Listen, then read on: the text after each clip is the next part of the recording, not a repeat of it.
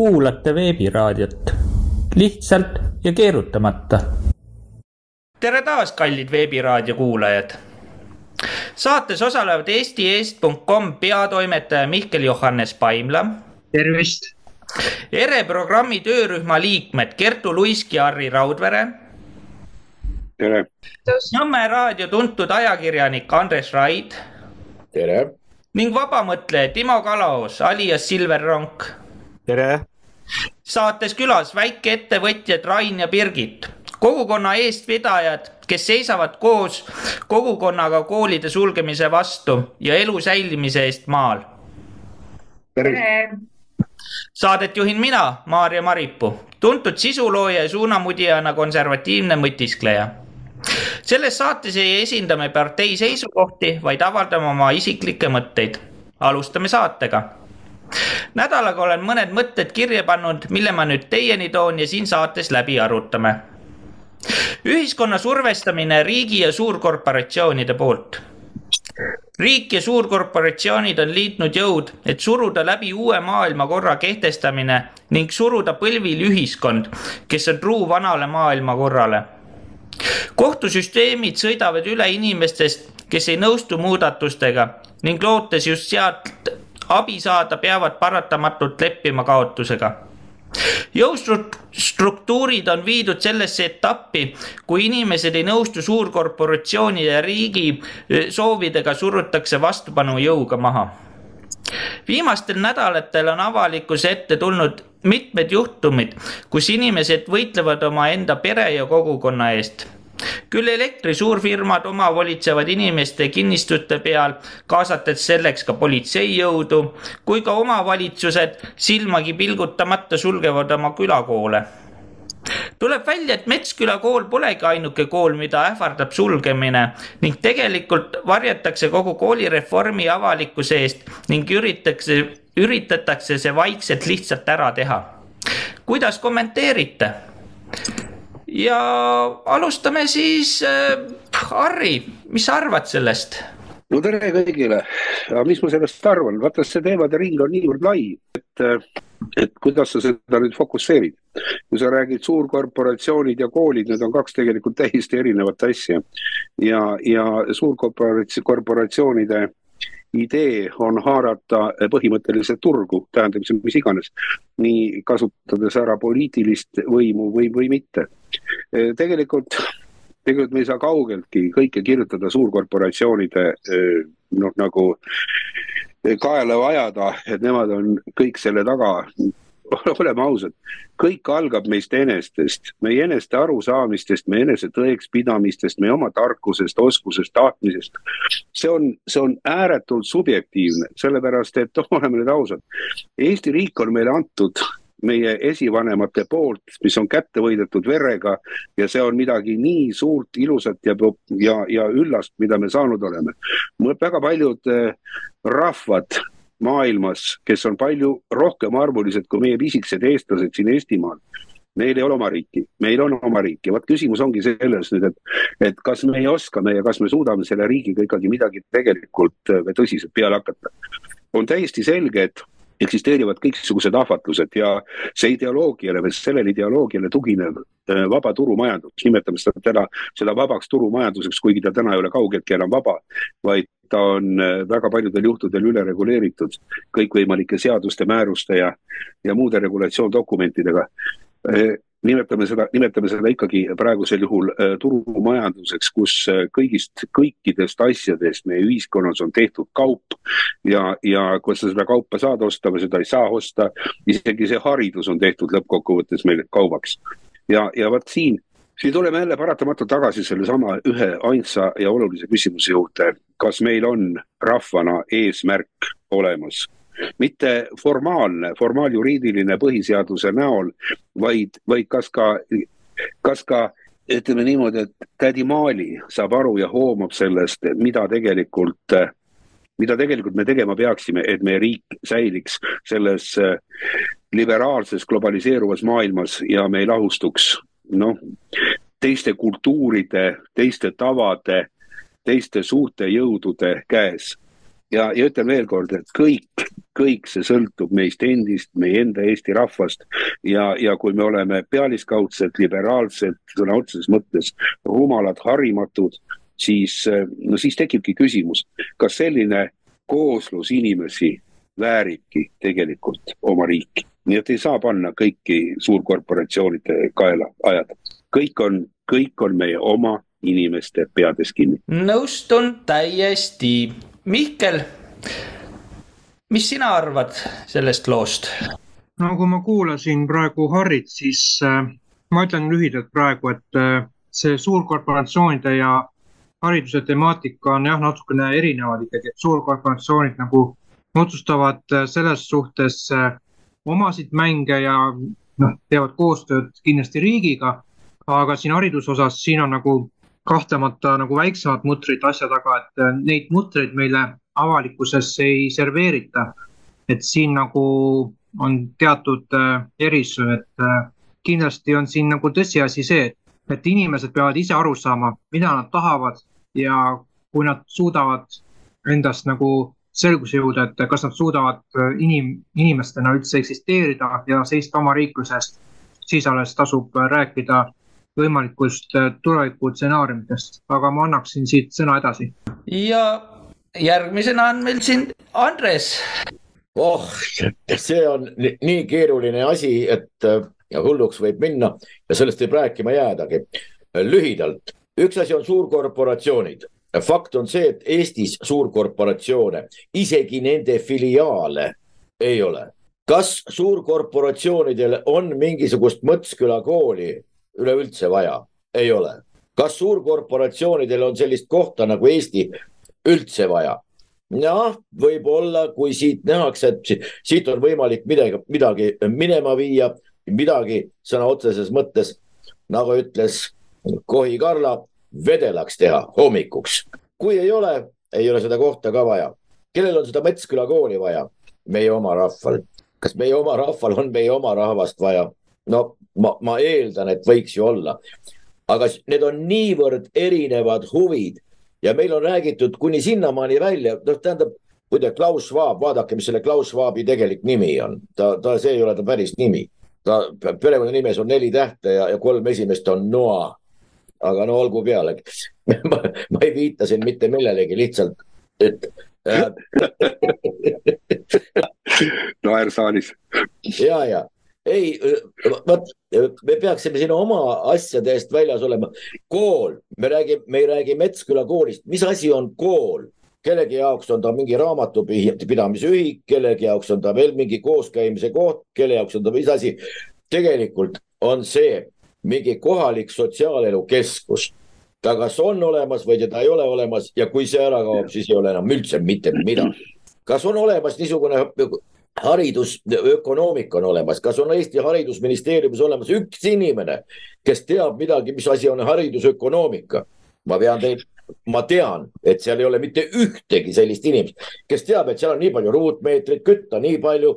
ahah, nii palju on ruumi vaba, õhtul võimalik sinna ringid tuua. ahah, sinna on võimalik veel teha seda, seda ümbruskonda arvestades. ühesõnaga haridusökonoomika kui selline see oli isegi muide vihatud okupatsiooni ajal, veel kolmkümmend viis aastat tagasi oli see täiesti olemas. see isegi toimis, aga olgu pealegi oli. siis olid isegi olemas niisugused asjad nagu internaadid, kes ütleb, et need internaate ei võiks enam olla. Boarding school Inglismaal, Inglismaal muide kõige väärikamad koolid on just nimelt boarding school, sest internaatkoolid ja seal on koolivormid ja muide, seal käivad selle ühe protsendi kelle käes on üheksakümmend üheksa protsenti maailma varadest ja igasugustest muudest ressurssidest ja kes maailma asju korraldavad. Nende võsukesed käivad just nimelt internaatkoolides, kus on mundrid, kus ei veeta kedagi klassist klassi ja kus ei ole mitte protsessipõhine kogu see õpe, vaid on tulemuspõhine, et midagi on vaja ka saavutada, kelle, keegi peab kellekski kujunema, mingist kaasavast õppest ei, ei ole seal juttugi ja, ja vot niimoodi ongi, aga kui sellistest elementaarsetest asjadest no fundamentaalsetest asjadest. siin ei ole vundamenti olemas ega mitte midagi, igaüks räägib, kas aknakonks peaks olema vasakult paremalt, kas ta peaks olema vase koostisega, tina koostisega või, või hoopiski tsingist tehtud ja kas ta peaks olema kinnitatud Kunstnike Liidu või kellegi teise või Muinsuskaitseameti poolt. kallid inimesed, teil ei ole vundamenti, te arutate aknakonksude üle no tähendab, ma ei mõtle seda juuresolevat seltskonda praegu, aga üleüldiselt mõtlemisloogika on täiesti vale ja vale on autoriteedisüsteem, mis on meil kehtestunud. muide, Nõukogude Liidu kokkukukkumise üks põhipõhjuseid, arvan täiesti kindlalt, oli just väär autoriteedisüsteem, kummardati nende ees ja peeti oluliseks neid inimesi, kes seda tegelikult ei olnud. noh, lolli ees kummardati ja see, kes tegelikult oleks väärinud austust ja lugupidamist, need löödi kõik prügikasti poole või sinna siis Paraski juurde lähemale. Teie koht on, kallid sõbrad, just nimelt seal. ja sinnapoole, no ma ei tea, miks, aga sinnapoole teel ollakse. Parask on ümber nimetatud helgeks tulevikuks ja kuidagi niimoodi.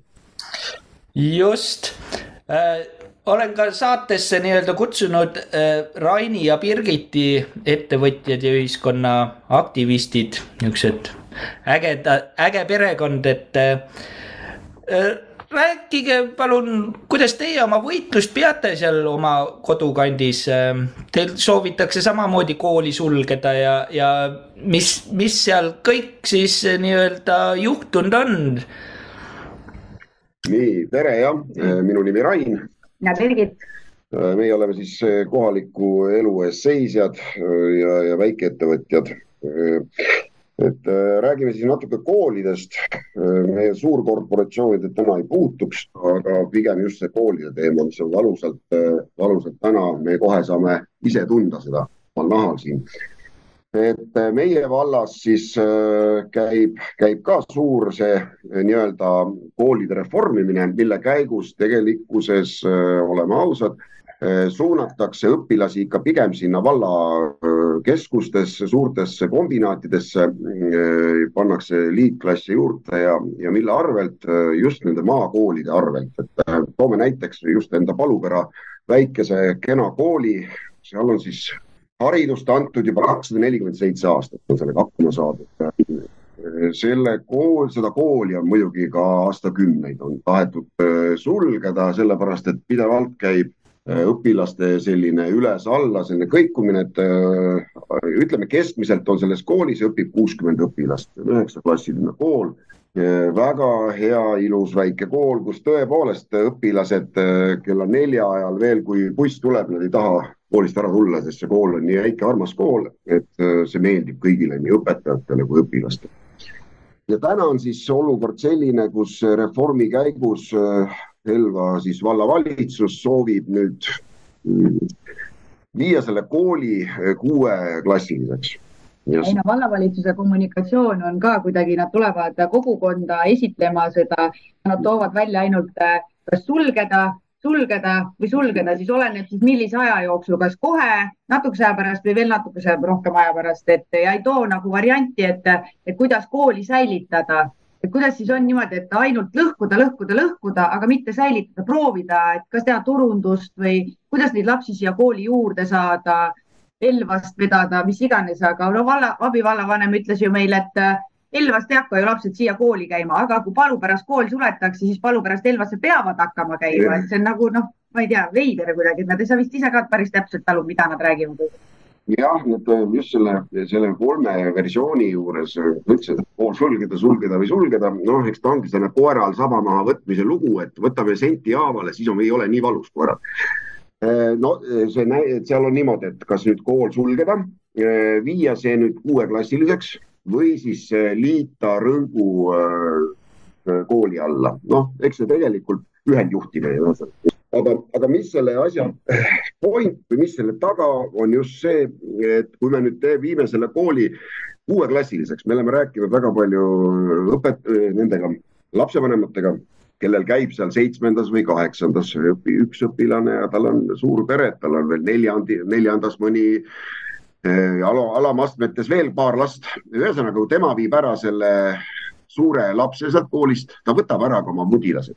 et ühesõnaga kaob igast klassist õpilasi ja kuskil siis kaob selle kolme astme või kolme klassi sulgemisega kaob veel ära kümme, viisteist õpilast, et ühesõnaga see on selline kiire lõpp, mis paneb nüüd selle kooli viib hukatusse. muidugi võib olla üks asi veel, mis on praegu jagatakse, riik jagab kolm miljonit kuueklassilistele koolidele et kolm no, miljonit. kolm miljonit terve Eesti peale, see on ju näpuotsaga igale koolikesele ja võib-olla on selle valla eesmärk, et oma kukrut täiendada, oma eelarvet siin natuke klattida, et siis saab sealt natukene, natuke sealt ja natuke siit iga kooli pealt natuke ja jälle tuleb eelarvesse raha, onju.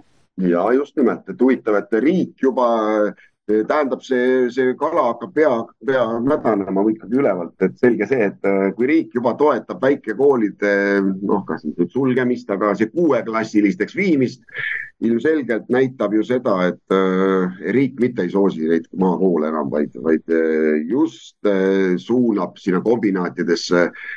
Noh, eks see põhjus on ju, eks need viieteist minuti linnad ja mida kõik on plaanis nüüd tasapisi teha, see uue maailmakorra puhul, siis, siis see ongi ju, hakkame vaikselt sinna koonduma, linna kõik. et, et selline, selline kole lugu meil siin. Õnneks me saime nüüd direktoriga, selle Palupere väikekooli direktoriga pika jutuajamise peale ma sain, me saime temast aru, et tema ikkagi seisab selle kooli eest üheksaklassilisena, kuigi jah, ta oli ka nõus, et see kool võiks olla kuueklassiline aga, aga õnneks äh, on ta kogukonna poolt täna ja, ja me proovime ikkagi valla, valda survestada võimalikult palju, et, äh, et see asi nii jääks. leidku kokkuhoiu koht kuskil Punaku hariduse pealt. et äh, on, on võimalik meil selliseid kohti siin, kust nagu kokku hoida, olgu see siis kas kooli toidu pealt või, või, või või nende, nende, neid erinevaid kohti on, ma ei hakka täna neid ette lugema, aga, aga täna on see küll, et viimane asi on sulgeda kool, sest see viib elu maale, nii on. lõhestab kogukonna täiesti ära jah, et see on nagu. ja väga hea, Andres, oli just hea lause, mis jäi meelde, et kohalik sotsiaal, sotsiaalelukeskus, et on hästi öeldud, et tõesti see nii on, et, et meil on siit ka oma külast on läinud sidepood asutused kõik on kinni pandud, äh, on jäänudki täna äh, kool, väike lasteaed ja, ja, ja Lõuna-Eesti hooldekeskused, suur vanadekodu. Nende arv ületab juba kohalike elanik, külaelanike arvu. üle poole on siis hooldekodus rohkem inimesi kui siis meie väikses külas no.. aga on ka kuuldused, et nendesse kinnipanevatesse koolidesse tahetaksegi vanadekodu? ega laps sünnib, annatagi kohe hooldekodusse. jah, ka mõte et selline, selline lugu on meil, et, et tuleb siin vahepeal jutuks, et eks mis mingid märkused veel juurde, aga hetkeks oleks siis meie poolt. selge, äh, ütleme niimoodi, et mina olen näinud seda, kuidas seda ühiskonda üldse hakkas nii-öelda väike koha, kohtade suretamine hakkas sellega pihta, et oli see haiglate reform ja äh, sünnitusmajad kaotati ära siis ja viidi suurlinnadesse, ehk siis Haapsalus oli ka, nüüd on Haapsalus, kes sünnitada tahab, kas läheb siis Pärnu või läheb Tallinna, on ju. aga siis noh, see on ju pointless, on ju ja, ja siis kunagi, kui see ettekääne nagu toodi, et nüüd teeme haiglate reformi äh, konservatiivid, ähm, EKRE ütles ka, et mismoodi see nagu siis nagu parandab seda nii-öelda haiglasüsteemi, et kui me koondame, et umbes, et äh, naine hakkab sünnitama kuskil, okei okay,, Haapsalus tahab hakata sünnitama ja siis peab selleks sõitma äh, Tallinna on ju ja siis, kui ta seal autos sündi, sünnib, et kuidas see siis nii-öelda siis see parem äh, siis kvaliteet on, on ju, et et noh, ilmselgelt need kõik protsessid näitavad seda, et see väikekohtade väljasuretamine, tsentraliseerimine linnadesse, see ongi see kogu selle point nagu. Andres. mul on üks ainuke väike repliik siia vahele. Äh, ma haistsin mingisugust nagu Brett Schneider Šveigist oleks öelnud, et haistsin siin ühte toredat riigireetmist järjekordselt ja, ja ja küsisin haridusministeeriumist, olen kuulnud, et teil on kõik igal pool kõik halavad, et ei ole pedagooge ja ei ole õpetajaid ja pole kedagi kuskile panna. ja ettevalmistust ja, ja kõikvõimalikku pädevust jätkub kuhjaga ja üle ja õige mitmel, mitmes aines oleks võimeline õla alla panema. palun, kuhu poole pöörduda, kellel oleks häda käes, kellel oleks vaja mitte kellelgi ei ole vaja mitte midagi ega mitte kuskile ei ole vaja, see on konkreetne lugu ja järele proovitud, nii et minule küll ei maksa seletama hakata, et kuskil kedagi puudu on. see on bluff. okei okay., Timo, on sul midagi öelda, oled mõtteid kogunud? no tere, jah, et ikka olen kogunud, et ma selle suurkorporatsioonide kohta teeks selle märkuse, et eh, ega nende kraesse jah, kõike ei ei saa kirjutada, et äh, see on see küsimus, et kes tegi, ikka ise tegid, et äh, peaksime nagu ise kuidagimoodi oma asjadega hakkama saama, et äh, noh, ma tooksin siia mõned näited sisse, et ütleme sellest meie inimeste suhtumisest, et mida nagu, mida sa, mida inimene nagu siis ise teha saab või ette võtta. ma ennem siin kuulates, ma ei mäleta täpselt, mis teemaga, aga mul tuli meelde üks selline Rakvere lihakombinaadis, mis on ka suur korporatsioon, muideks see on soomlaste oma, eks et äh, oli streik, seal on mingi seitse-kaheksasada töölist oli ja mis te arvate, mitu inimest streikis? kümme inimest lõpuks oli neid seitse, kolm tükki suudeti vahepeal ära osta, aga palka said juurde nad kõik, et äh, see on nagu see, lihtsalt toon sellise näite siia sisse, et kuidas nagu meil inimesed neid asju ajavad. Ja kui ma kuulan nagu selliseid äh, noh neid kogukonna eest seisjaid või, või äh, nende õiguste eest võitlejaid, siis äh, tore, tore on ennast ära tunda, et proovid ju siin äh, samamoodi neid asju ajada ja ja et äh, elu säiliks ja, ja edasi läheks, eks. ja siis äh, muidugi selle kooliga on see, et see on, see on äh, vundamendi lõhkumine ja ega selle maaeluga on, me teame ju kõik, on igasuguseid reforme siin läbi käinud, et meil on metskonnad maalt ära kadunud, neid siin koondati suurtesse keskustesse kokku. noh, oma, oma ütleme kodukandi näitelt tean, mis, mis oli selle tagajärg, karjalaudad kaotati ära, poed kadusid ära, postkontorid kadusid ära. Ja kui täna sinnakanti külla minna, siis saab ainult noh, ütleme niimoodi, et mõtled ja räägid lastele, et küll siin oli kunagi tore elada ja mis puudutab nüüd seda Elva valla või ütleme, siin oli see, toodi välja, et Elva vallavalitsus on teil seal jah, et on see Elva vallavalitsuse otsus, nagu ma aru saan, selle kooli sulgemine? ja, Elva vallavalitsuse otsus. ja, ja et äh, noh, ütleme niimoodi, et mina Elva vallavalitsuse kraesse seda asja ei keeraks, täpselt nii nagu ma ei keeraks seda riigi kraesse. et seal on ikka ees ja perekonnanimi ka taga, vallavanem on Priit Värv, eks, tegemist on äh, siis vallavanemaga, abivallavanem on Eiki Hansen. Äh, hariduse eest vastutab abivallavanem Kristjan Vilu.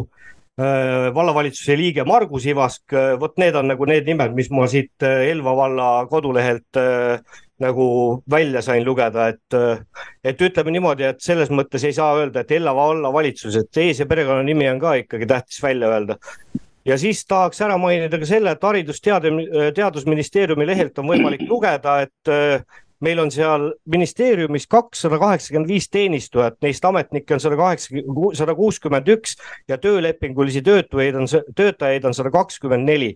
kaheksakümmend üheksa protsenti töötajatest on kõrgharidusega. töötajate keskmine staaž asutuses on veidi alla seitsme aasta. miks ma selle ka välja toon, on see, et äh, vot need on nüüd siis meie inimesed, kes, kes juhivad, suunavad, panevad kinni ja, ja määravad. et äh, see on minu poolt sissejuhatuseks kõik, et annan siit sõna edasi, Kertu vist ei ole sõna saanud. ja aitäh. Äh, ma, ma esiteks sissejuhatuseks loen teile ette ühe tagasiside, mis on päris lõbus ja ja juhatab ette natu-, sisse natuke mu enda juttu ka siis. Äh, siin ees on mingi tekst ja siis tuleb, tead, mis sind päästab ja üldse teie kampa. see, et hull naine ja kamp nohikust tüüpe, välja arvatud Harri, seda ei võeta ohuna siis, et te teate ja täna on äh, kaks hullu naist veel, nii et eriti kõva saade. naudi tagasiside andja, väga kõva saade ja nüüd ma jätkan oma hullu jutuga olen ise maakoolist pärit, meil oli üheksa õpilast klassis ja kogu aeg räägiti, et oi, et see on maakool, et selle kooli viis on sul linnas kolm ja te olete nii lollid tegelikult ja et ärge arvake, et te olete targad, et te lihtsalt saate siin väga kergelt läbi. ja oligi kogu aeg niisugune tunne, et noh, ma saangi nagu kehvemat haridust, sest ma elan maal ja minu klass oligi viimane, mis lõpetas üheksanda klassi selles mõisa koolis. edasi siis järjest kaotati neid klasse ära, täna seal kooli enam ei ole ja seda tööd tegid ikka ära omad õpetajad ja omad siis ametnikud, et see töö tuli nii, noh, lapsevanemad ka tundsid ikkagi järjest muudkui liiguti ära, et see ei ole nii, et väljastpoolt tuleb see käsk, käsk Metsküla kooli näide seestpoolt hakati vastu, oligi see niisugune nagu vastupanu liikumine sellele jurale, mida peale surutakse ja need kohad, millel endal ei tule seda elutahet, et me seisame enda eest. no midagi pole teha, ma siin mingi hetk jõudsin ise sellesse punkti koguni, et, et kas, kas need viis protsenti aktiviste üldse tohivad seda hädist geeni elus hoida eestlast siis, kui see eestlane ise ei taha enam elada, mis sa nagu vägisi siis teda, ei ei, elu maal, meie siin muudkui räägime ja nii edasi, aga neil on niisugune, tehtagu, antagu. Ja eh, küll keegi meie eest ikka otsustab ja teeb ja peaasi, et ise ei pea mõtlema ja vastutama ja eh, siis mõtled, et aga äkki see ei ole üldse see geen, mis peaks säilima. et äkki me praegu evolutsiooniliselt sekkume ja teeme täiesti vale asja oma suures agaruses, et võib-olla ei tohiks üldse segada, et eh, ja siis keskendudagi sellele, et aga mis otsuseid mina isiklikult teen, sest kellelegi kulbiga midagi pähe panna pole võimalik.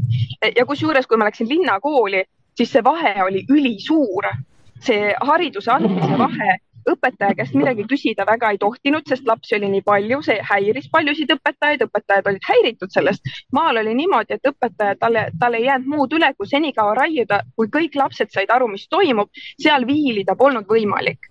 ja siis ma, ma sattusin täiesti džunglisse ja ma ei saanud aru, millest need õpetajad seal jahunud olid, et oi, et linnakoolis on teil maru raske. ma mäletan direktori kõnetki, kui ta veel ütles, et ja need, kes siit on läinud, neil on linnakoolis nii raske. mina lõpetasin üheksanda, nii et mina mina mõtlesin, et ma olen siseviimistlejaks, sest mina keskkoolis hakkama ei saa.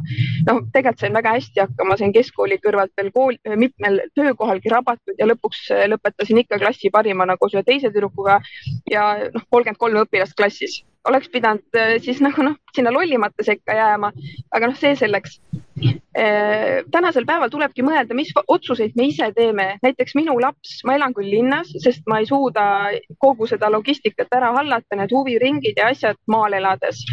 ja minu laps käib maakoolis lihtsalt sellepärast, et ma tean, et seal on see haridus parem, seal õpetajad saavad keskenduda, kõik omavahelised situatsioonid lahendatakse ära, et ei ole niimoodi, et laps tunni ajal selle asemel, et keskenduda sellele õpirõõmule, peab mõtlema, et tal on kellegiga seal mingi riid või konflikt, vaid ta saabki rahus ja harmoonias õppida. see on nii oluline, et ei või, me võib-olla ei peakski nii palju mõtlema, et oo, päästame need eestlased ära päästame selle tugevama osa geneetikast. Ehk siis need, kes oskavad väärtustada mõistust ja heaolu, harmooniat, eh, suudavad ise võtta vastutuse. Eh, need siis pingutavadki, eh, noh, pingutavad, mina isegi seda ei võta pingutusena, ma võtan seda mõistuse hääle kuulmisena, et kui ma tean, et mu laps saab seal, mu laps ei lähe seal katki, sest ta nii vaimse, füüsilise kui ka hariduse kvaliteedi eest hoolitsetakse. Iga päeva lõpus õpetaja saadab tagasiside, linnakoolis oli niisugune arenguvestluse aeg, kui said jutule ja kui mingi probleem oli, siis õpetaja ütles, et ah ei, mina ka ei tea.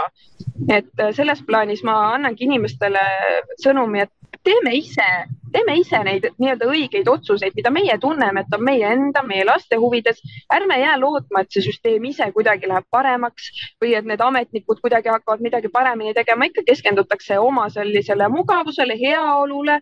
Äh, laiskusel lastaksegi mõnusalt olla et jah, võib-olla see väljapoole nii palju tähelepanu suunata võtabki hästi palju ära ka meie energiat. ma ise oma tervise pealt olen seda tunda saanud, et lihtsalt endal kaob vahest jaks ära, sest hakkad mõtlema, kui lootusetu kõik on, aga siis mõtled, oot-oot, aga mina saan ju aru ja siis ma tean kõik te,, kõiki teid, kes te saate aru ja kui meie kõik juba teeme neid õigeid otsuseid, siis ma ise olen arvutanud, et võib-olla kui eestlasi nagu järjest vähemaks jääbki, aga see geen muutub tugevaks ja päriselt säilivaks, elujõuliseks, kas see on siis halb või kui väga suur osa tänaseid äh, eestlasi ongi need antieestlased, kes oma heaolu ja, ja õnnetunde, ükskõik kui libas on, selle nimel on valmis teisi eestlasi ahju ajama, noh, olgu nii, propageerigugi siis seda lastetust ja kõike muud, andku minna.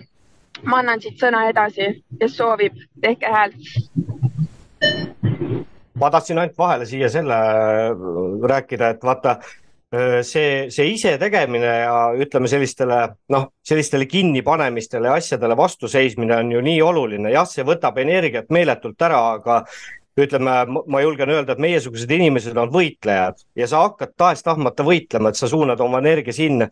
et ma toon siit ühe näite, kus ma olin kunagi ühes suures tehases tööl, kuidas kuidas noh, minust vanemad härrad päevast päeva rääkisid mulle sellest, et ära Timo, käi selle poliitikaga meile pinda, tead meid see poliitika ei huvita.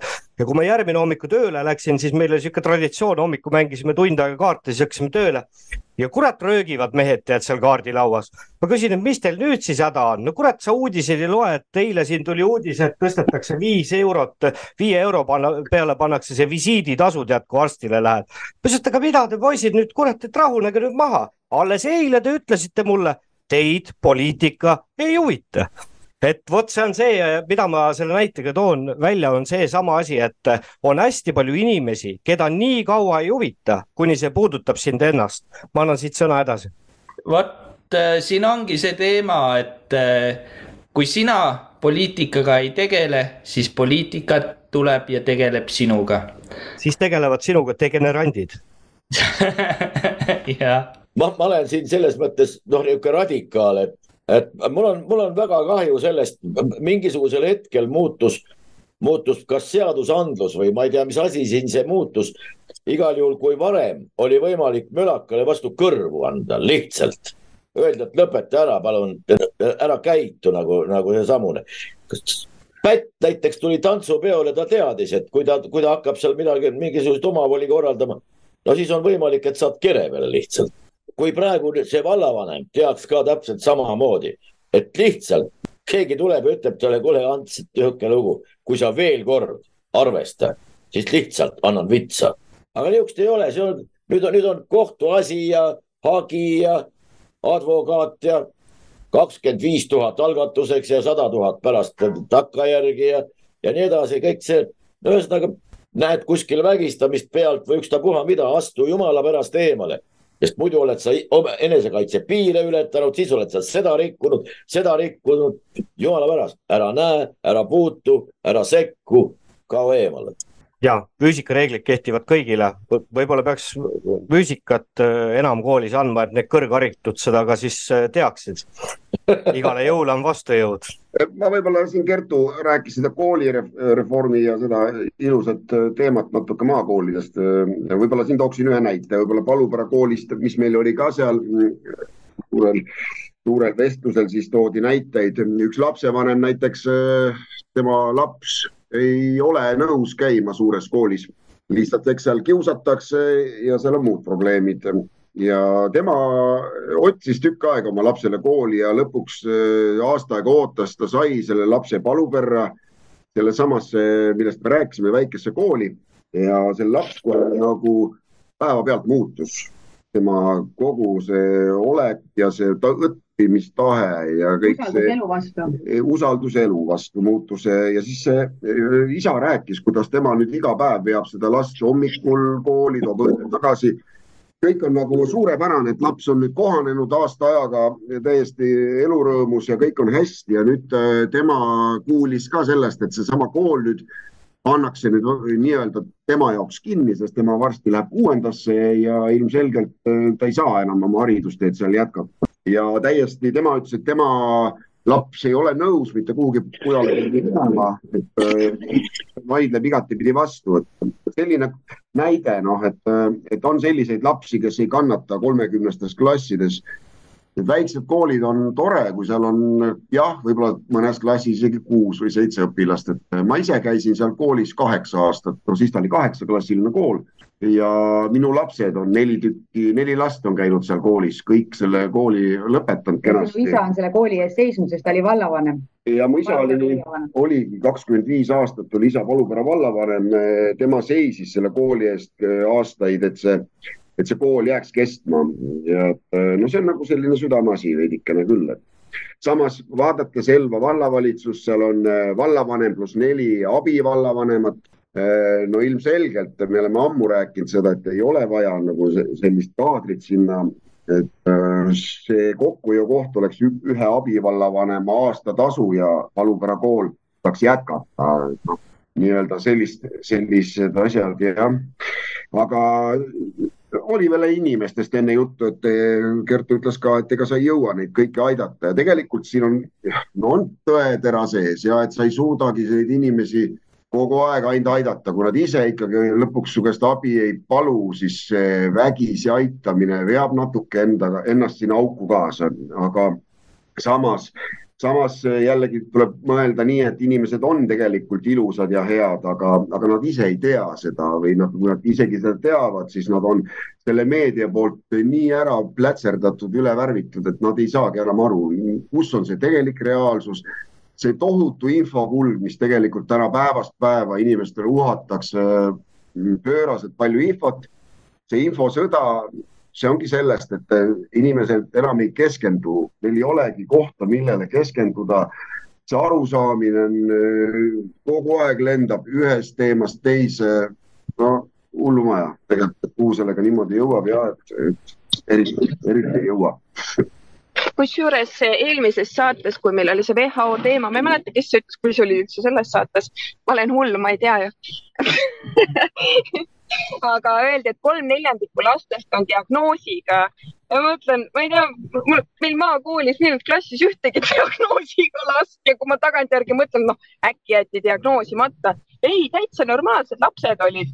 et vaata, sealt tulebki see, et kuidas, kui närvisüsteem teha lapsel katki selle pinge ärevuse sees, mis nendes mammutkoolides on ja mammutlasteaedades, siis sealt ei tulegi head nahka, seal hakkavadki igasugu asjad välja lööma ja lapsed, kasvõi see, et kui sul on megasuur klass, kui kodus on probleemid, õpetajal ei ole võimalik märgata neid siukseid asju, mis viitavad sellele, et seal kodus on mured, sest õpetajal endal on mure üleüldse seal mingit tähelepanu saavutada.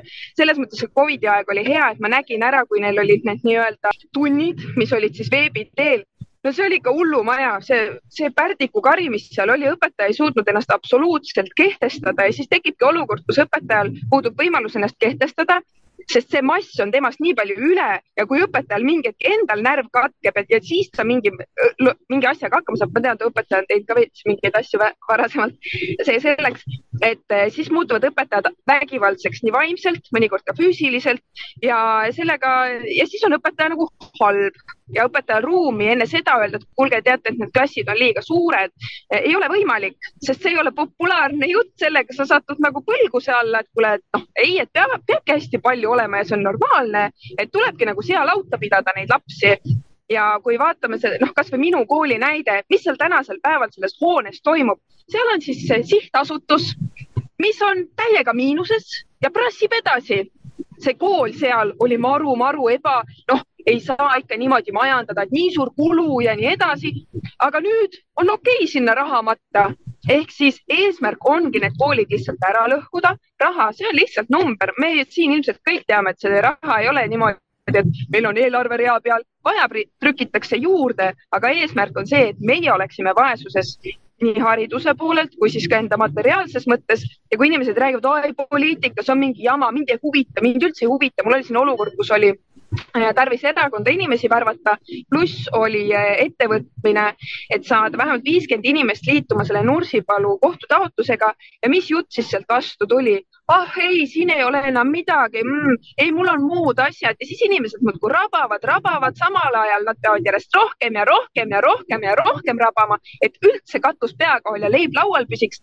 ja siis mõtledki, et okei okay,, aga võib-olla ongi vaja mul leppida sellega, et nad peavad jõudma nii haigesse punkti, kus lihtsalt lööb nätakaga pilgu lahti, oot, oot, oot, oot, oot, asi on nagu mäda, aga senikaua, kui neil niisugune noh, hästi sujuvalt minnakse üle, see on seesama konnakeetmise jutt, et noh, kergelt soe, järjest soojemaks, soojemaks, kuni on nii soe, et see konn enam ei liiguta ennast. ja ma ei tea, noh, võib-olla need konnad ongi siis juba ära keedetud, äh, mingi osa võib-olla suudab sealt ennast veel päästa aga mina jah lasin sellest momendist lahti, et ma peaks kuidagi teisi päästma või mingit suurt niisugust missioonitööna Eestimaa päästma. No,. kui ikka ei lähe korda, sest kui miski on sulle oluline, sa leiad võimaluse, kui ei ole oluline, sa leiad vabandused, ettekäänded. Ja kuidas minu, mul ei ole ju õigust oma väärtusi teistele peale suruda, see on ju vägivald, niimoodi ei tohi teha ja natuke ma räägin seda juttu ka selleks, et provotseerida neid inimesi, kes on oma mugavustsoonis. Eh, olge edasi. Eh, see, mis teie täna tegemata jätate, te teete selle pärast tagantjärgi ja väga palju raskemas olukorras. Eh, ja kui te mõtlete, et meie täna, et meil on nagu maru pärituul ja lihtne neid asju ajada, ei ole, meil on täpselt samasugused mured nagu teil, täpselt samasugused ettekäänded, takistused, aga meie lihtsalt saame aru, et kui ei tegutse, siis varsti läheb tegutsemine veel raskemaks, nii et me tegutseme täna. Annan sõna edasi. Ja ma tahaks vahele öelda nende diagnooside suhtes, et et huvitav, et tänapäeval lastele pannakse ilgelt lihtsalt mingi diagnoos, tavaline on rahutus. Ja siis kohe tabletid, terve hunnik laksatakse peale.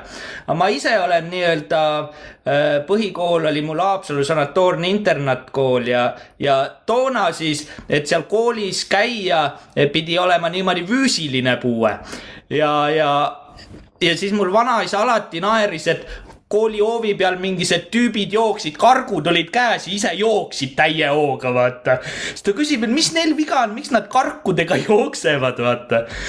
aga kõigil pidi olema ju puue, et seal koolis käia, onju ja ma küsisin pärast ka, et mis, miks sul nagu kargud on, et sa ju jooksed, onju. ei, ei, mul on puusaprobleemid ja, ja noh, ja tänapäeval on siis, on siis vaimupuue. noh, see, see, sellega sa ei pea karkudega jooksma, no võib-olla kui sa karkudega jooksed, siis sa juba oled kuskil hullaris, aga. aga jah, kellel on Rain äh,?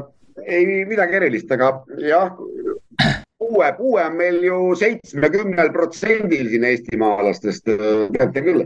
nagu siin äh, kaka isa ütles, näed, seitsekümmend protsenti on ju puha lollid, noh, kus te siin tahategi saada. et, et jah. siia vahele tahaks kiiresti püstitada ühe küsimuse, et kui ma vaatan nüüd või noh, kuulan, kuulan teid siin ja, ja, ja, ja tean, mis siin riigis nii-öelda toimub või noh, aiman teadvat ja siis äh, ma mõtlen nagu seda, et aga milleks meile koolid, milleks meile haridus, et kui ma, kui ma vaatan, millised on need selle, selle kõige tagajärjed, Harri võib-olla tahab sellele vastata. mina jah, no võin rääkida küll, miks mitte. Ja, ja ausalt öeldes ma võtaksin nüüd, selles suhtes üle, et Kertule oponeeriksin, et sa ütled, et keegi ei tee praegu midagi, pärast tuleb teha kõvasti järgi ja, ja tead, Kertukene, mitte midagi ei juhtu, mitte keegi ei tee mitte midagi järgi Need inimesed ongi määratud hääbuma, kaduma, surema kogu selles, selles meeletus globaalses masinavärgis, nad ei tee absoluutselt mitte midagi. ja, ja kui sa tahad näha, et kuidas asjad välja lähevad, siis noh, me olen ise näinud, aga ka praegu väga ilmekalt on näidata, näiteks Ameerikas on Youtube'is terve sarjad, kus näitab Ameerika linnu, kuidas noored inimesed on narkarid, kodutud, karjade kaupa elavad silla all. miks sa arvad, et, et meie inimesed, et meie inimeste saatus võiks olla lõppkokkuvõttes selles maailmas teistsugune, kui me seal eh, praegu näeme? Ma, ma absoluutselt ei imesta, meil on ainukene üks, üks probleem see, et noh, me ütleme küll, et, et Eestimaa on külm, Eesti inimene ei saa laisk ega, ega olla selline, et ta peab, ta peab endale kasvõi kütte muretsema, ei pea, külmub surnuks ja need on ennegi külmunud ja mitte midagi ei juhtu, võtke, võtke täiesti, täiesti rahulikult. me ei suuda meie ega mitte keegi seda maailma parandada, kui inimesed ise noh, nagu ei jõua selleni, et, et nad peaks midagi tegema hakkama. me võime rääkida ja iseennast lohutada ja, ja iseennast kiita ja, ja olla emotsionaalsed ja mitte midagi ei juhtu. aga vot ma tahtsin nüüd Ranja Virgiti jutu peale ka rääkida natukene, sellepärast et nendest koolidest. mina olen äh, Saaremaa vallavolikogu liige ja ma olen Mustjala osavalla kogus ka ja meie oma Mustjala vallakool, vot kui te nüüd räägite, et koolid pannakse kinni ja koolid seda ja teistmoodi. Mustjala kool oli õudselt jubedalt, ma ei tea, kuidas, milliseid, milliseid epiteete ja metafoore ma siin eh, peaksin ritta panema. Eh, täiesti, täiesti tubli ja, ja väga arvestatav kool. ja ja äh, lapsed, kes seal õppisid, käisid kõik olümpiaadidel, olid, olid äh, päris eesotsas kõikide oma teadmistega. õpetajad suutsid äh, tegeleda väga palju noh, nagu personaalselt, individuaalselt lastega. tase oli, tase oli väga hea. nii palju hüppan ka, et, et maakoolidest on mul ka endal praktiline kogemus, ma käisin kaks aastat kunagi omal ajal kuus- või kaheksaklassilises koolis ja, ja meie, meie klassijuhataja, õpetaja Sumberg on mul ta nimi väga hästi meeles. see oli tõeline õpetaja mitte kellelgi ei tekkinud pähe ka hakata talle noh, nagu vastu või mitte sõna kuulama või. Juba väljas üks tema pilk tekitas meis juba sellise olukorra, et me peame juba noh, kasvõi, kasvõi mööda nööri käima ja me, me, meie enese arusaamine õpetajast ja, ja haridusest olid absoluutselt teistsugused ja, ja ütleme näiteks niimoodi, et iga, iga vene keele tund, nagu teises klassis hakkas vene keel, iga vene keele tund oli meil sõnade peale kontrolltöö uues tükis, mis me pidime tegema. ja hoidku jumal selle eest, kui sa, kui sa neid sõnu selgeks ei õppinud. me pidime lugema kiiresti, meil olid antud, antud kätte lipikud, kus oli seal, ma ei tea, mingisugune mingisugune kolmsada, kolmsada sõna ja pandi stopper käima, sa pidid vurinal lugema kõik need ära, tähendab su, su si,, sind arendati ja, ja nüüd ütleme, et see oli siis nagu Nõukogude pedagoogika või, no tule taevas appi. see oli see, mis ju lapsi, lapsi arendas ja, ja elu edasi viis. ja, ja vot miks ma nüüd toon, tulen tagasi selle Mustjala kooli juurde, tuleb teha. Mustjalas olid paar hüsteerikut kes tulid sinna ja hakkasid seal seletama, kui, kui õudne on direktor, kui kole on kool, kui, kui meeletult on lapsi seal koheldatakse halvasti, õpetajad ei kuula, lastel ei ole tead kõiksugused probleemid. Ja, ja käi, küll käis äh, valla haridusosakonna esindajad kohal ja lastekaitsetöötajad ja ja, ja paar, paar, ma ütleks ausalt öeldes, nad olid psühhoterrorid, nad, nad ei, nad ei ole, no see on minu subjektiivne arvamus, need inimesed ei olnud normaalsed, kes võtsid kätte, kirjutasid kuhjade kaupa kaebekirju õpetajate, direktorite, kõikide kohta. ja lõpus oligi niimoodi, et äh, ma ei tea, vist peaaegu pooled lapsevanemad võtsid oma lapsed sealt koolist ära ja, ja ja, ja öeldigi siis valla poolt väga hästi, et oh, hupski, teil enam lapsi ei ole, nüüd teemegi kuueklassilise kooli, et siin polegi midagi, midagi rääkida, ainukene probleem, vot nii nagu, nii nagu Rain ka ütles, et et vaatame, kui pika aja peale, mis seda kuueklassilist, äh, seda äh, kooli siis nagu või selle üheksaklassilise kooli ümber kujundame siis äh, kuueklassiliseks kooliks ja, ja, ja nüüd osavalla kogus, eks ma küsin siis nende inimeste käest, kes olid siis nagu sõna otseses mõttes eestvõitlejad, et see kool noh, nagu maha teha, tõmmata see, kiskuda see kooli maine niivõrd alla, lausa trampida jalgadega selle kooli peal. ma küsisin, et no mida te nüüd, mida te nüüd saite, eks ju? Ja te tulete, küsite siinsamas osavalla kogus veel sihukest juttu, et no aga kas me, kas meil kooli arengukava ka on ja kuidas me selle arengukava teeme? Ja ma küsin, mis arengukava inimesed, on, teil ikka natukenegi mõistust peas, see on taandareng, mis, mis taand, mis arengukavast te räägite? ja siin, siin, kui me ütleme näiteks kuueklassilised, jah, need inimesed, kes on oma lapsed ära viinud, ei pane neid lapsi kunagi enam sinna kooli. maine on äh, koolil totaalselt äh, selles osas rikutud. Äh, teine asi on veel see, et tuleks küll, kui oleks kohapeal midagigi vanematel teha. Kohalik omavalitsus ja mitte, mitte ainult kohalik omavalitsus, vaid ka Eesti äh, õigusruum ettevõtluse äh, seisukohalt näeb ju ette äh, praktiliselt seda, et, et sellistes maakohtades ei olegi võimalik midagi muud teha, sest et no kas sa saage aru, öeldakse, et kodukontoris saab tööd teha no kodukontoris ei looda materiaalseid väärtusi, lisaväärtust, mis annaks meie ühiskonnale midagi positiivset juurde. on vaja ka teha midagi reaalset, ratsionaalset, praktilist, oleks vaja investeerida, oleks vaja eh, panna mingisugust tootmist. see peaks lähtuma ka logistikast, see peaks olema see on terve kompleks ja vot see ongi see, millest ma räägin, see peaks olemagi riigi arengukavade arenguplaan sellist asja meil ei ole ja, ja, ja me võime, võime siin täna targutada või, või rääkida või kritiseerida või, või ükskõik mida teha. praktiliselt mitte midagi me kohtadel teha ei saa, sellepärast et kala hakkab mädanema peast. ta mitte ei mädane, ta, seda pead polegi enam, see on juba nii ära roiskunud, et see, see on täitsa, täitsa suure kaarega käiks mööda. see, see on, see on meeletu, et noh ma ei tea, ma ei tea, milline on, on lahendus ja, ja sa ütled väga ilusti, Timo, ka, et, et noh, et igale jõule on vastujõud, noh. no milline see vastujõud siis peaks tegelikult olema, et, et tuled loosungiga vehid tänava pealt ja, ja, ja meil on esindusdemokraatia, hääletatakse sind maha, öeldakse, kuule, mine, mine metsa, eks sa palju mölised.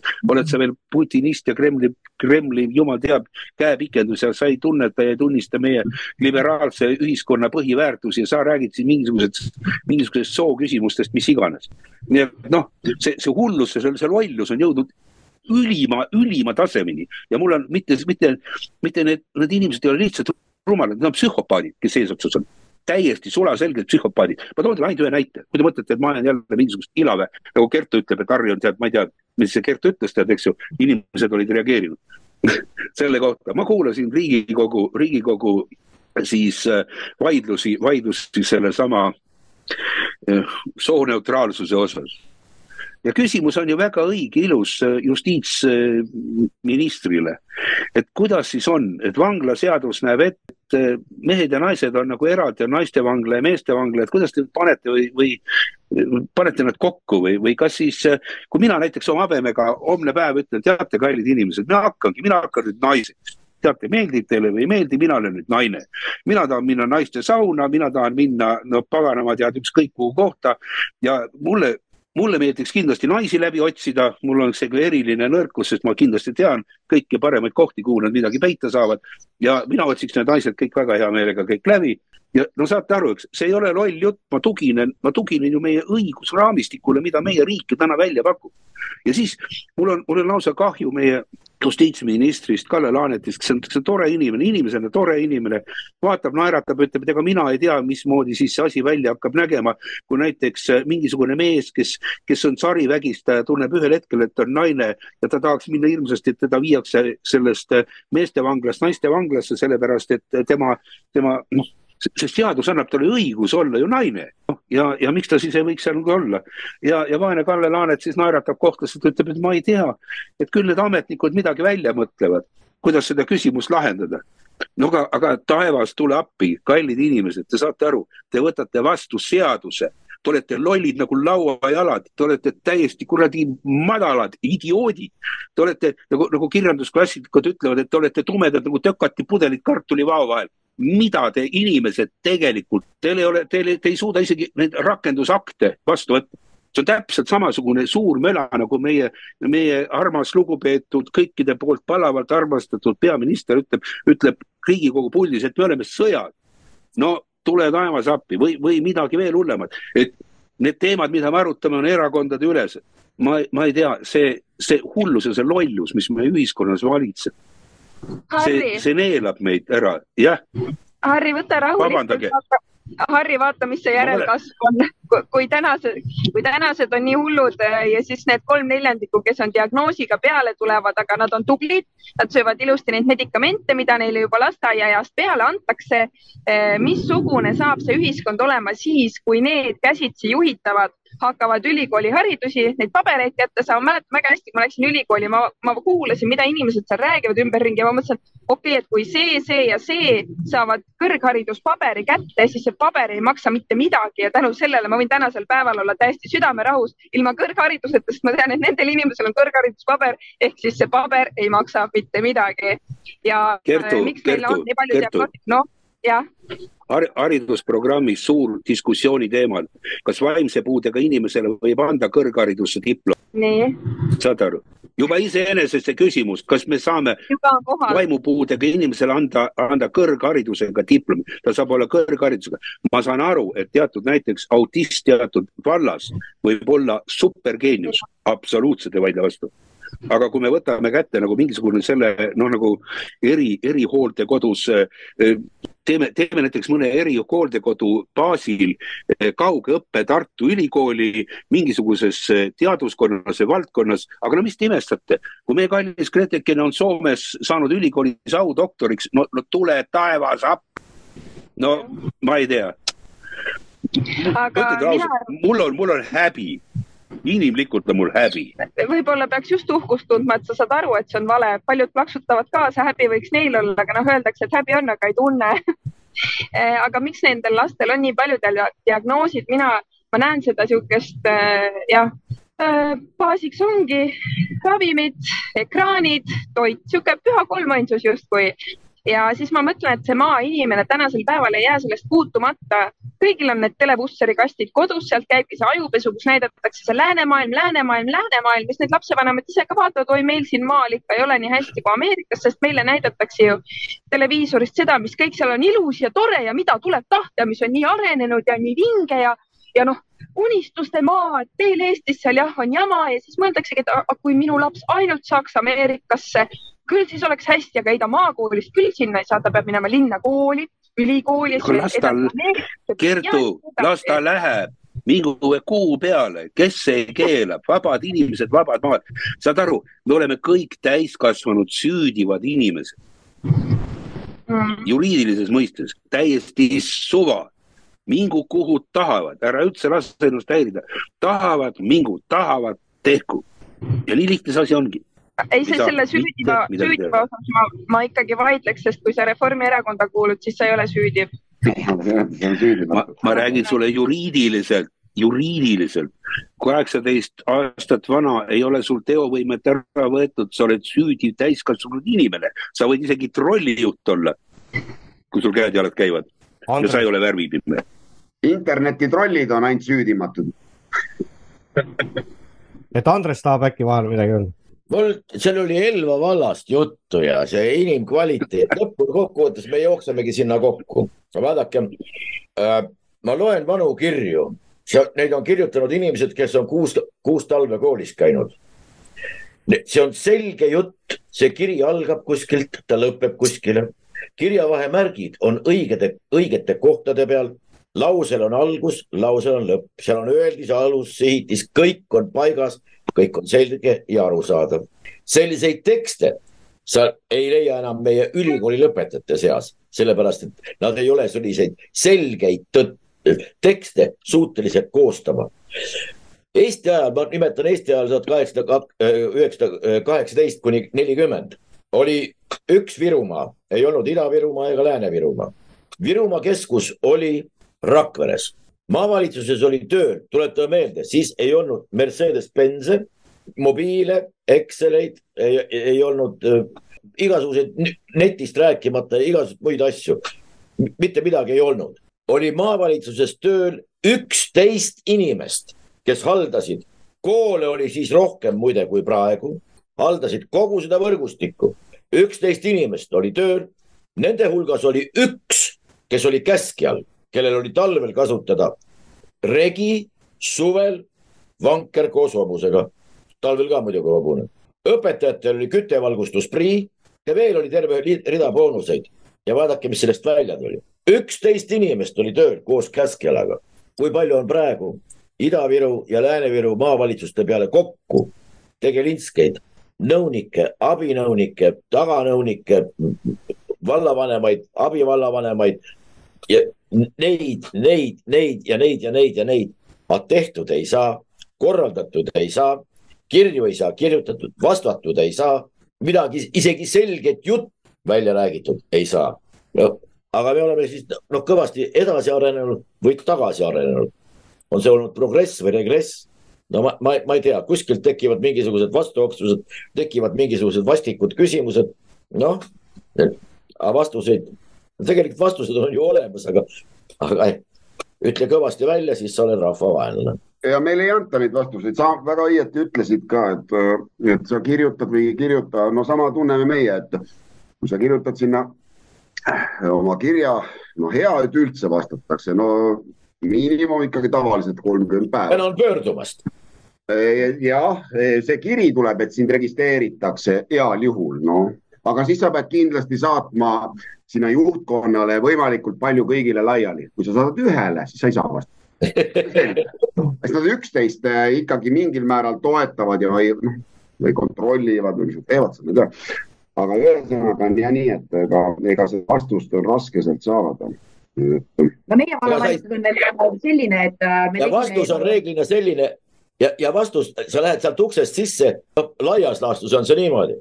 Jumal hoidku, ma ju ütlesin, et tulge homme aga te tulete iga kord täna. no ja ütleme, see suhtumine, see suhtumine juba eh, kuidas ma ütlen, kui me hävitame lasteaeda, kui me hävitame koole ja samal ajal ütleme, et raha ei ole ja siis me remondime nagu vallavalitsuse seda peahoonet paneme sinna jälle viissada tuhat juurde, eks. ja, ja tegelikult ju paistab seest ja väljast maja täitsa ilus ja kena, ega midagi häda ei ole. ja enamus on veel ju äh, kodukontoris ka väga palju sellist, nad ei mahu reaalselt sinna vallamajja järjest, me oleme väga suur nagu vallavalitsejate ametnik. ma ise mõtlen, et aga milleks üldse vaja, siis tehke siis kaugtööna seda kõike, paneme uksed kinni ja vaata, kus sellepärast, et riik annab toetust ja siis me sellepärast ainult teeme, et riik annab toetust jah, omaosalus paneme viissada tuhat, riik annab võib-olla, ma ei tea, seal üheksasada või palju annab, okei okay,, seal ei ole vahet, seal on vahe see, et äh, me ei saa oma pesa, see võim, kes oma pesa hakkab remontima ja koole kinni panema, sellel ei ole pikka tulevikku ilmselgelt. et kahjuks nii jah et eh, kole jah, no meil on veel samas, ütleme, kui selle kooli koha pealt tagasi tulla korraks eh,, kuidas, ma toon näite, kuidas hoitakse juba lasteaedades, hoitakse infot kinni. Kui vaatad seal eh, linna lasteaedades on stendide peal, et kuhu viia oma laps siis peale lasteaeda, on ilusti kogu aeg eh, tuleb ikka tsentrisse see just see Elva keskkool, see gümnaasium, et kõik nagu lasteaedades koonduks sinna keskusesse. meil on siinsamas Hellenurmes on lasteaed Vana mõisa hoones ülejäänud hoone on tühi, aga seal on lasteaed ja see rühm, see rühm on täis, sinna tahetakse veel teha teist rühma. kolmandat.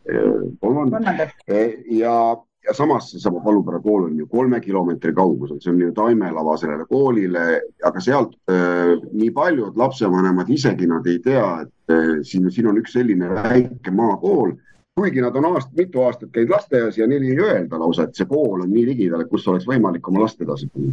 Et juba, juba siin hakkab see juba, juba tulevad käärid sisse. Aga meil on õnneks ühe koha pealt äh, vallavanemaga ühel meelel, kui ma temaga mõni päev tagasi siin rääkisin, ta ütles ka, et talle meeldib mõte äh, see Hellenurme lasteaed ja Palupera põhikool ühendada. noh, kas ta siis enam põhikool, noh siis nad teevad selle kooli kuueklassiseks ja viivad nüüd selle mõisast äh, lasteaia sinna kooli aga nende suureks takistuseks jääb see, et Palupera kool on ahjuküttega seal on kuusteist ahju, mida nüüd on seal see kakssada viiskümmend aastat kooli jaoks köetud, nüüd enam muidugi ei saa, nüüd ma ei tea, miks ei saa. Äh, aga lasteaeda ei saa sinna kooli viia, sellepärast et äh, nõuded ütlevad, et lastega, lasteaias ei tohi olla ahjukütt aga no väga hea, vähemalt see ühendamise koht, äh, see meeldib, noh, Palupool kool, kool jääb põhikooliks, loodame ikka edasi, me võitleme nii kaua selle eest.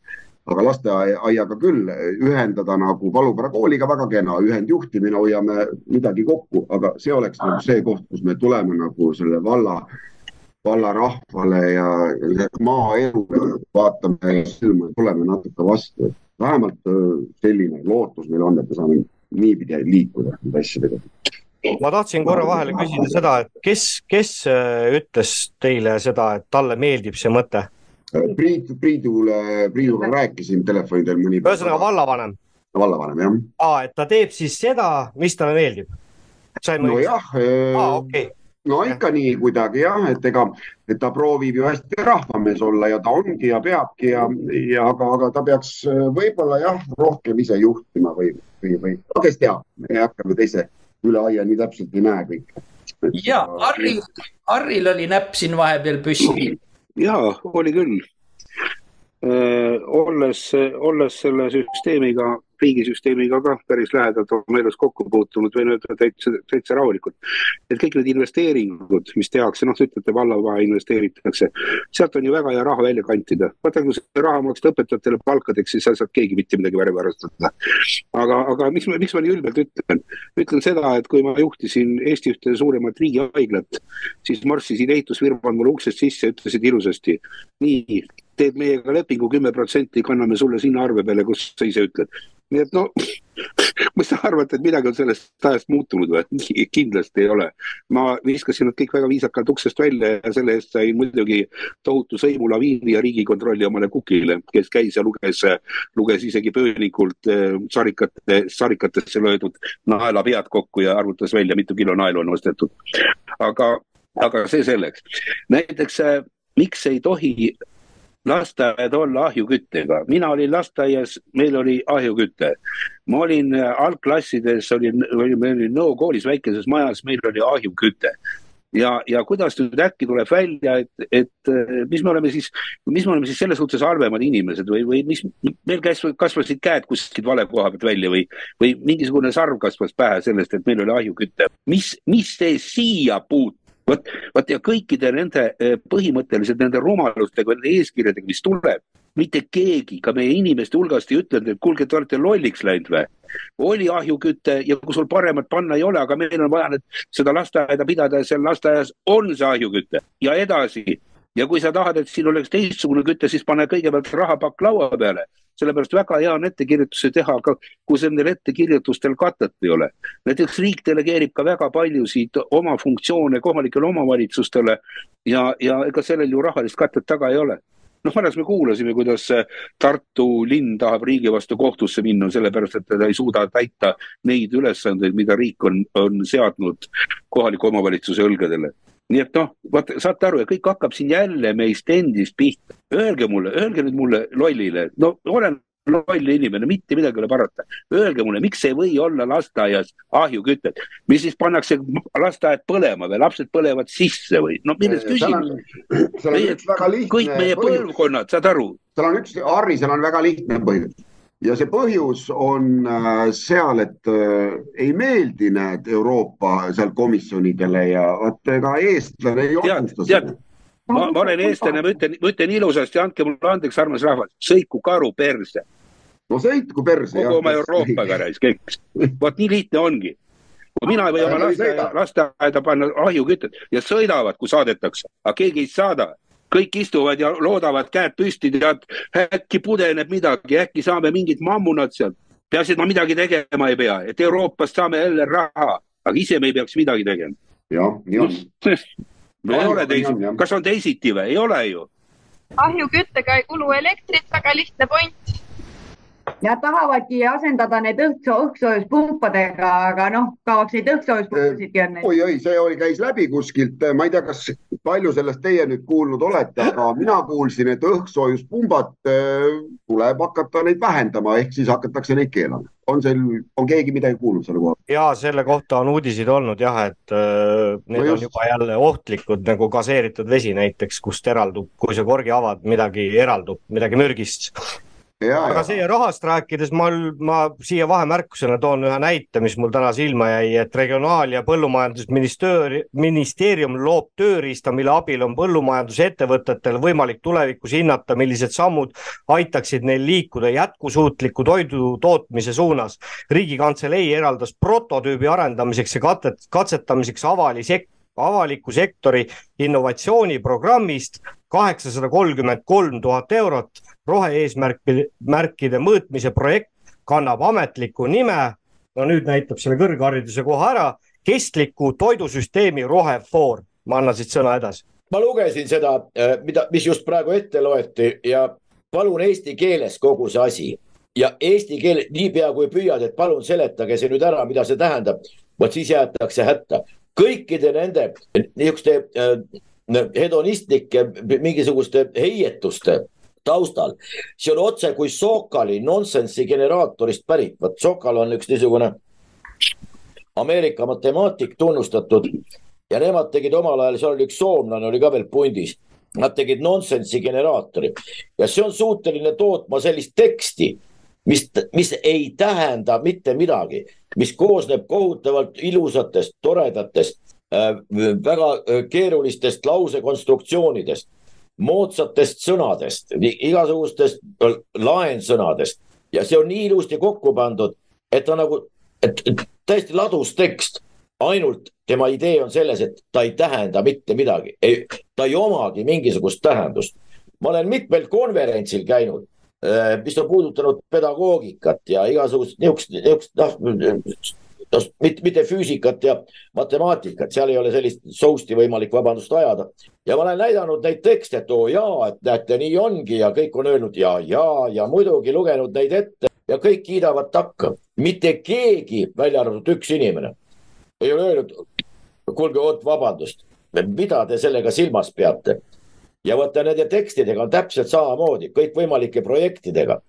kui sealt see idu, idu püüda välja võtta, tähendab, mis on see eesmärk, mis on see vahend, mis on see subjekt, mis asi on objekt või kes, mis, mis aeg, mis on ja mis see tulemus peaks olema, milliste tulemuste järgi hinnatakse seda, milliste, vabandust, milliste kriteeriumide järgi hinnatakse seda, mida välja tuli, mis saab edasi, milleks ta järgmiseks sisendiks on, missugusele kontsentrile ja nii edasi.